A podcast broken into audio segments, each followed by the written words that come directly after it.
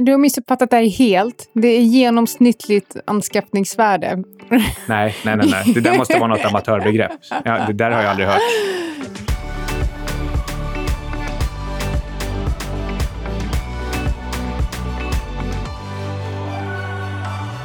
Men skit i det. Skit i dig. Kan jag få berätta om två saker jag har lärt mig idag? Har vi redan börjat? Nu har vi det, va? Ja, det är bara att snacka på. Okej, nummer ett. Om jag lägger ut en bild på någon av våra hundar, kanske framförallt då den stora som inte är så fager om man inte är en hundmänniska, då får jag avföljare. Så jag ville bara säga till er som inte, ja, alla ni som avföljer mig för att jag lägger ut bilder på mina hundar, please don't follow again. Idag kommer vi prata om hur man förbereder sig inför halvårsrapporterna, bara så att ni vet det. Vi kanske fjantar lite till, men det är det som följer efter det här. Det är ingen som ska fjanta någonting. Jag ska också berätta om varför man ska lyssna på träd som pratar med varandra. Bilden på Ronja hade för övrigt ingenting med hur hon såg ut att göra. Det var bara en väldigt intressant vinkel med jättefina stora tassar i fokus i förgrunden och hon, det som eventuellt är lite trasigt och, och luggslitet, i- suddigt i bakgrunden. Tassarna såg också lite trasiga ut. Okej, men eh, jag vill bara prata om att vi kan lära oss av träd som pratar med varandra Berätta. innan vi går in på något annat. Jo, det är nämligen så här. Um, att för ungefär 25 år sedan så började man forska på om, om träd i skogen faktiskt kommunicerar med varandra. Och det kom man fram till att eh, ja, det stämmer. Och innan då så trodde man att träd, precis som bolag och människor och så vidare, konkurrerar med varandra och att det träd som är starkast är det som vinner, det som tar, får mest solljus, mest vatten, mest kol och så vidare. Men det här är inte sant. Så um, Susanne Simford, tror hon heter, Eh, eller Samford, eh, never mind. Hon eh, odlade 30 exemplar av tre olika arter. Det var gran, tall och ceder. Och sen så utgjorde hon ett experiment där hon med två olika sorters kol eh, tittade på om det fanns en tvåvägskommunikation mellan de här träden. Och det fanns det då, precis enligt hennes hypotes också, mellan gran och tall men inte med ceder. Och det här beror på att det finns ett underjordiskt nätverk där de kan kommunicera med varandra. Och eh, under det här experimentet då så upptäckte hon att ett av eh, träden skickade mer kol till det andra. Men under andra tider på året så skickade det andra trädet mer kol till det andra. Det här berodde på egentligen när det ena trädet var starkare än det andra. Och vad kan vi då lära oss av att träd kommunicerar med varandra? Jo, att eh, en skog till exempel inte är, eh, inte är uppbyggd av flera olika organismer utan egentligen en enda stor organism. Och det är det här, det är det här som jag tycker är viktigt. Precis på samma sätt är ett företag inte massa olika människor utan egentligen en grupp människor som samverkar mot ett, eh, mot ett eh, speciellt eh, mål tillsammans. Det här låter som att en människa egentligen inte bara är en massa enstaka celler, utan de samverkar till en hel individ. Ja, exakt. Så hur, vad, vad hade du varit om... eh, Nu har vi redan diskuterat, diskuterat det här om jag skulle stjäla din ena njure eller inte. Men vad skulle du ha varit om du inte hade ett hjärta eller hjärna eller eh, inga lungor eller sådär? Alltså, jag är bara glad att jag fortfarande har kvar njuren. Den här chansningen som jag tog första kvällen, den har gått hem. Men du har ju druckit så mycket sen dess, så att jag har ju inte riktigt fått tillfällen. Skit i det.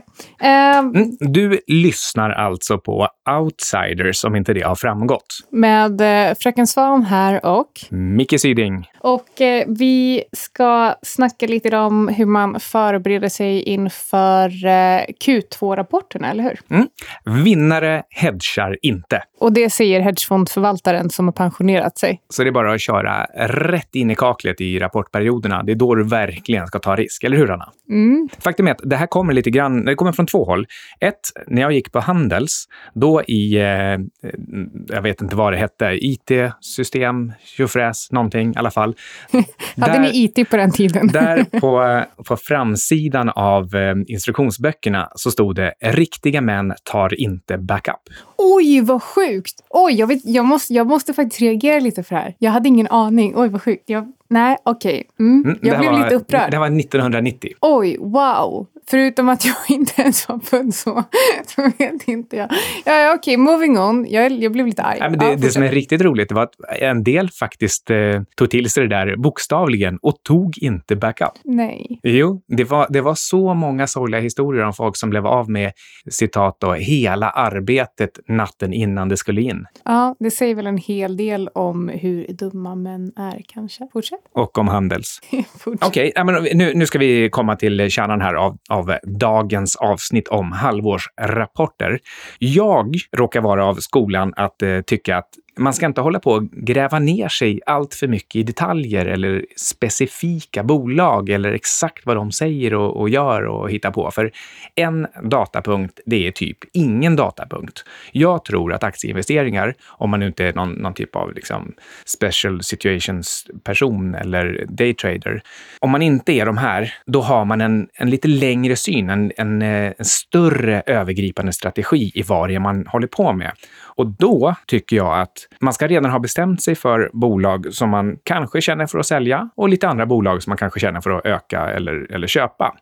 Och då drar man bara nytta av om kursen går åt andra hållet. Och så, och så bara gör man det oavsett egentligen hur rapporterna ser ut. Men jag tycker att det här är väldigt intressant, för Mark Spitznagel säger ju att eh, han tror att fundamentala investeringar i många fall, inte när det kommer till faktiskt riktiga kanske analytiker eller riktiga förvaltare, så handlar det om att man gör en bristfällig analys och så behåller man bolaget i sin portfölj som någon form av ursäkt som att det skulle vara en långsiktig investering. Så här säger han, jag vet att vi har nämnt det i podden innan. Moreover, kan du ta det istället? Istället. Moreover, saying that one is acting long term is very often rationalization used to justify something that is currently not working out as planned. Tack. Han, han menar alltså att eh, i många fall så har vi surdegar i portföljen som ligger där för att vi har gjort en bristfällig analys. Och det är det här som är poängen, en bristfällig analys. Har du gjort en bra analys så ska det inte spela någon roll om vad de här kvartalsrapporterna säger. För du vet du fortfarande vad du sår.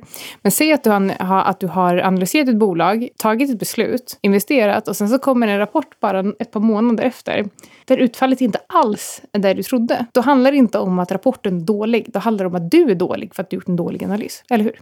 Ju snabbare man kan inse att man har fel och agera på det, desto bättre. Du måste älska att ha fel om du ska hålla på med aktier. Det säger också Mark Spitznagel. Jag hade det på känn. En annan poäng här, det är om du nu ändå bestämmer dig för att handla på rapporten i motsats till vad jag nyss sa, då tycker jag att du ska ta fram en nyckelfaktor. En grej som du tänker djupdyka i. En sak som du är riktigt, riktigt förberedd på. Så förberedd att du verkligen kan jämföra äpplen och äpplen och inte äpplen och päron. Det här kan vara till exempel bruttomarginalen i ditt specifika företag du tittar på. Men du måste ju liksom in och grotta och hitta vad är bruttomarginalen på riktigt så att du till exempel inte blir så där lurad som, som Teslas fejkade bruttomarginaler. Men här är ett exempel då som eh, där jag inte har blivit lurad och där jag har pratat om ganska länge under många kvartalsrapporter och det är trumvirvel H&M och ehm, eh, nu senaste Q2-rapporten så kom ju Sara ut och hade lägre försäljning än väntat, men högre vinst än väntat. Och det här berodde alltså på att de hade lyckats höja sin bruttomarginal. Samtidigt då när H&M kom med sin rapport så var den, okej, okay, visserligen bättre än eh, analytikers förväntan, men det var fortfarande en sjunkande bruttomarginal jämfört med, samma, jämfört med föregående period, vilket är oroväckande bara i sig. Och, eh, det här, och det här då, om man ska dra det här Sara och H&M exemplet så handlar det om att det här lägger, kastar ljus på att H&M verkligen har interna problem. Det handlar faktiskt inte om externa faktorer och att branschen är i förändring, vilket den också är. Utan de här marginalförsämringarna beror bara på H&M. Och det här måste du ha stenkoll på när du väljer en parameter att titta på när det kommer till dina rapporter. Beror det här på yttre faktorer eller blöder bolaget inifrån? Mm, Anna är inne på någonting väldigt intressant här. När du nu har valt en sån här enstaka variabel att fokusera på, då kan du också fundera över, som Anna är inne på här, vad betyder det om just ditt bolag har högre eller lägre marginal? Vad betyder det om en konkurrent har högre eller lägre marginal? Vad betyder det om en leverantör i branschen har en högre eller lägre marginal? Det är alltså inte självklart att det är dåligt eller bra om konkurrenten Sara har högre marginaler än H&M. Nej, men jag kan dra ytterligare ett exempel. då. Bomullspriset steg ju kraftigt eh, under första halvåret. Och eh, trots det hade Sara och Inditex då, som egentligen är det vi ska diskutera, så trots det hade Inditex högre marginaler. Och det här betyder, okej, okay, vi behöver kanske inte säga att det betyder att det bara tyder på interna problem hos H&M, men det betyder i alla fall att Inditex inte har samma typ av interna problem och inre blödningar då som hm koncernen Förr i tiden, det vill säga när jag levde, då pratade man ofta om Ericsson och Nokia när det gällde mobiltelefoner. Nu gör väl ingen av de här mobiltelefoner längre, men på den tiden så var de det var de som styrde världen med sina mobiltelefoner. Och då var alltid frågan, om Nokia lämnade en bra rapport, betyder det att branschen gick bra och därför Ericsson också skulle gå upp? Eller betyder det att Nokia tog massa marknadsandelar och därför Ericsson skulle ner? Och så här höll man på och slogs fram och tillbaka och folk tyckte att det var självklart det ena eller det andra. Eh, och så fanns det hälften i varje läger. Det här håller säkert på nu också på massa arenor som jag inte vet vilka de är.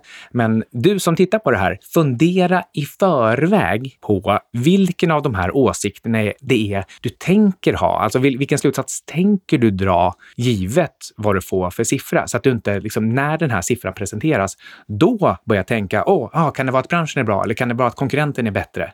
Okej, okay, men um, moving on då. Om man nu ska titta på en annan aspekt, alltså typ guidens uttalanden. Mm, här tycker jag att man ska förbereda sig och skriva ut vad de sa förra kvartalet eller samma kvartal förra året. Och egentligen kanske ännu mer. Du ska väl ha gjort det här förut.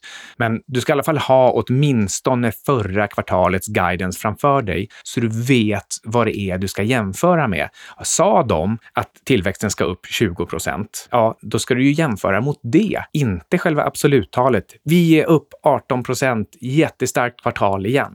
Nej, det Micke säger här är att lita inte på analytiker utan titta faktiskt på vad företaget själva har lovat innan. Och eh, det här har jag också bloggat om, men ehm, Carl-Johan Persson har ju i flera, flera, flera, flera kvartalsrapporter nu under flera år sagt vi har haft några tuffa kvartal bakom oss. Nu vänder det. Nu vänder vi blad. Nu kommer vi öka marginalerna. Vi kommer öka försäljningen. Det här och det här kommer ske och det kommer bli si och så bra. Och det har det inte blivit. Och samtidigt då har de faktiskt behållit sina helårsmål. För 2017 så sa de ju, bytte de från att de skulle eh, öka antalet fysiska butiker med 10 15 procent per år till att öka omsättningen till 10 15 procent i lokala valutor per år. Och det här nådde de inte alls. De ökade försäljningen i princip ingenting 2017, vilket också syntes på aktiekursen. Och eh, sett till 2018 så har de haft samma mål, vilket jag tycker kanske är lite oinspirerat. Och hittills är försäljningen i princip oförändrad, vilket jag själv då tycker är oroväckande Mm, just när det kommer till, eh, till alla de här satsningarna de gör. För att de investerar, de investerar, de investerar. De kastar pengar, de kastar pengar, de kastar pengar. De ökar inte intäkterna någonstans och det är ett problem, eller hur? Jag tycker också att man ska tänka på att ordet bra inte betyder att någonting är bra. Om de säger det här är all time high eller det här är jättebra eller det här är bättre än någonsin. Det behöver inte betyda att det är så bra som det behöver vara för aktiekursen. Tänk på att det här är alltså anställda marknadsföringsproffs. De är inte där för att göra det bra för dig. De är där för att göra det bra för sig. Och eh, en sak som man till exempel kan hålla utkik efter när man leker eh, djävulens advokat, det är att om de går från att säga saker som tillväxten var 20 procent till att säga saker som eh, bästa kvartalet någonsin eller all time high. All time high kan betyda att de växte med 1 procent. Det där är ett väldigt, väldigt typiskt sätt för företag att börja kommunicera när det går sämre, men eh, de vill få det att låta som att det är ännu bättre än någonsin. Så de vill mörka det helt enkelt. Okej, okay, men aktiepriset då? Stock price bro? Stock price bro. Det här är ju ett av de här memesen som kommer ut ur hela den här härliga Tesla-storyn. Det finns ju liksom ingenting som är så härligt som, som Tesla. Det påminner om Fingerprint back in the old good days. Typ 2016, 17. Ja, men eh, de är så lärorika. Det, det, finns så mycket att ösa i de här. Men just stock price, bro. Det är alltså så här. När den ena sidan för ett case lägger fram 20 väldokumenterade superstarka argument för, för sin sida, ja, då kan den andra sidan alltid säga, ja, men kolla aktiekursen då. Den är upp. Stock price, bro. Stock Price Bro. Men det finns information i aktiekursen. När en rapport kommer, hur aktiekursen rör sig, inte, inte direkt och inte vad slutsiffran blir några dagar senare, utan själva mönstret däremellan. Där finns det information. Vi kan väl ta H&M som exempel igen. H&M's halvårsrapport då var ju inte, inte fantastisk och öppnade 4,5 procent ned. Och sen så stängde den 4 procent upp. Och det var flera som hörde av sig till mig och sa marknaden har alltid rätt, Anna. Hur känns det nu då? Och och eh, ja, sa ja, nej men ja, Stefan Persson får ju faktiskt köpa igen. Så alla, alla gick, den, gick den inte ner 4% sen dagen efter det? Jo. Ja, precis. Undrar om de där Stockprice Bro-personerna, vad de sa då? Men det har varit Stockprice Bro sen kursen stod i 360 och det är samma personer som skriker Stockprice Bro nu. Skitsamma, fortsätt. Mm. Eh, det finns ju inget självklart svar för vad det finns för information i det här. Hur algosarna handlar, hur eh, huvudägare som Persson handlar eller hur eh, större fonder och privatpersoner handlar. Du måste bilda dig din egen hypotes. Mitt tips här är att du skriver ner den här hypotesen innan det brinner till i marknaden så att du vet vad din strategi ska vara när det händer. Det Micke försöker säga här är att eh, om du har ett kaffefilter och du har gjort kaffe på morgonen och du ska slänga det, titta först i det och titta riktigt, riktigt noga. För då kanske du kan få någon form av uppfattning för hur kursen kommer röra sig nästa dag. Snackade vi inte global macro i förra avsnittet? jo. Okej, okay. men här är någonting som faktiskt är ganska konkret för hur jag tycker man kan använda en, eh, en rapportperiod. Och det är att du har ju förstås en strategi och du har någon typ av big picture, en övergripande syn på vad du tror om dels aktiemarknaden, dess riskaptit och, och trend, dels vad du tror om ekonomi och eh, förmåga att skapa bra resultat. Den här strategin, eller, eller synen, det är den du ska uppdatera under en kvartalsrapportsperiod. Du ska inte, tycker jag, fokusera på att uppdatera din exakta syn på enstaka bolag, för en punkt är ingen punkt långt. Det där jobbet kan du göra mellan, mellan kvartalsrapporterna istället och fundera verkligen på hur går det för det här företaget eller branschen? Utan här så ska du ta in information från alla rapporterna eftersom du äntligen får liksom allting på samma gång och du får andras reaktioner på samma gång. Så fundera på vad den totala bilden... Det här är förresten någonting som Peter Malmqvist är väldigt bra på, för han har den här big picture-synen när rapporterna kommer. Det är hans styrka. Du ska bli Peter Malmqvist under en kvartalsrapportsperiod och fundera över, okej, okay, du får den informationen från det bolaget, det bolaget, den branschen, den branschen och så och så reagerar alla andra på det här. Det är den totalsynen du ska använda till någonting. Det Micke försöker säga här är att analyser och värderingar ska aldrig ta hänsyn till dagens aktiekurs. Och to be frank, det är faktiskt bara nybörjare som gör så. Att när jag får höra när jag har sagt att jag har en specifik riktkurs för hoven baserat på dagens information, att jag då får höra att det går inte för dagens aktiekurs är det här. Det finns ingenting som får mig att bli ännu mer säker på min sak än att enda argumentet är stock price, bro. Eftersom vi inte ska prata om H&M och Fingerprint och sånt där som vi nämner ibland så kan vi prata om Tesla som jag nästan aldrig har nämnt.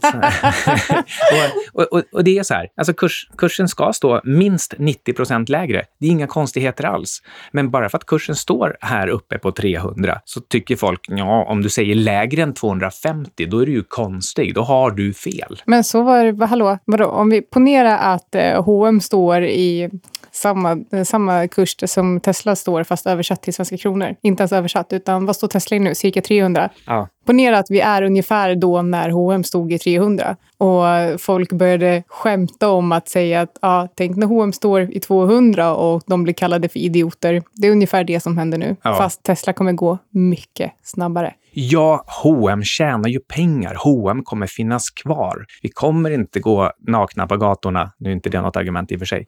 Medan Tesla däremot, det enda som växer exponentiellt hos dem, det är förlusterna och deras skulder. Ja. Och det är förstås inte hållbart. De måste ta in pengar för att överhuvudtaget överleva. Vadå hållbart? Tesla är väl visst hållbart? Det är elbilar. Det är bra för miljön. Elon Musk, bro.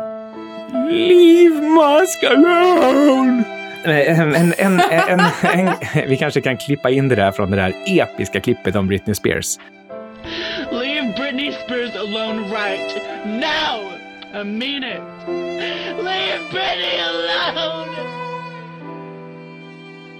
En konkret åtgärd till som man kan göra det är att de riktigt stora överraskningarna, de som du inte kan missa, oavsett om det är i dina bolag eller inte, skriv upp dem. Du kommer märka dem. De kommer, det kommer vara stora svarta rubriker. Folk kommer säga “Hur kunde det här hända?”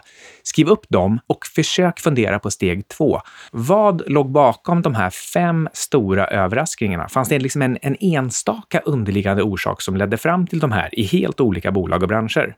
Och vad betyder det för nästa period? Det här säger faktiskt någonting om makroläget.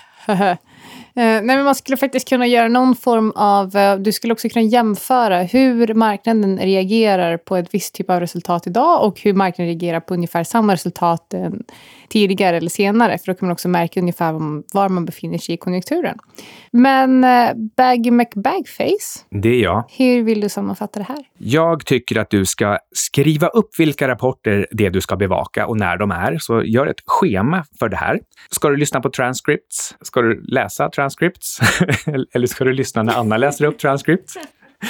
Um, Skriv ut guidance från förra kvartalet eller förra året i förväg så att du har de här framför dig när, när det är dags. Skriv en lista på bolag som du vill handla, köpa eller sälja och, och var beredd med kurslarm. Ha ett färdigt schema för vad det är du faktiskt ska ta med dig från den här perioden. Hur ändras ditt big picture av den information som kommer den här gången? Vad var det du förväntade dig? Vad hände och hur påverkade det din syn? Och det sista då som vi egentligen nyss sa, notera de här särskilt stora överraskningarna. Vad är det de säger som, som alltså vad är signalen som, eh, är det Pippa Malmgren? Ja, det är det skulle sagt. Yes. Ja. ja. det var väl allt från Anna Svan och eh, Baggy McBagface, det vill säga bagholden som står där och håller Tesla när den kraschar. Hallå, jag vill också säga en sak till. Att, man, eh, att köp och sälj inte ska baseras på ditt GAV som är ett eh, nytt uttryck för mikrostyrning. Vad eh, betyder GAV nu igen? Det betyder Gross Asset Value. Det är en hedgefondbegrepp för eh, bruttovärdet i fonden för en nej, andelsägare. Nej, nej, nej, du har missuppfattat det här helt. Det är genomsnittligt anskaffningsvärde. Nej, nej, nej, nej. Det där måste vara något amatörbegrepp. Ja, det där har jag aldrig hört. Vänta, jag ska ringa min kompis... Eh... Kent ner? Ja, det kan jag i och för sig göra. Men eh, jag kan även ringa min kompis eh, Martin Sandqvist och se vad han säger. Oh, du bara skryter med alla relationer du har med kända människor. Du är en så dålig människa. Jag känner Anna Svan också. Oj, vad sjukt. Och då menar jag i biblisk mening. ja, hej då podden. Det är lördag, dags för ett glas alkoholfritt vin.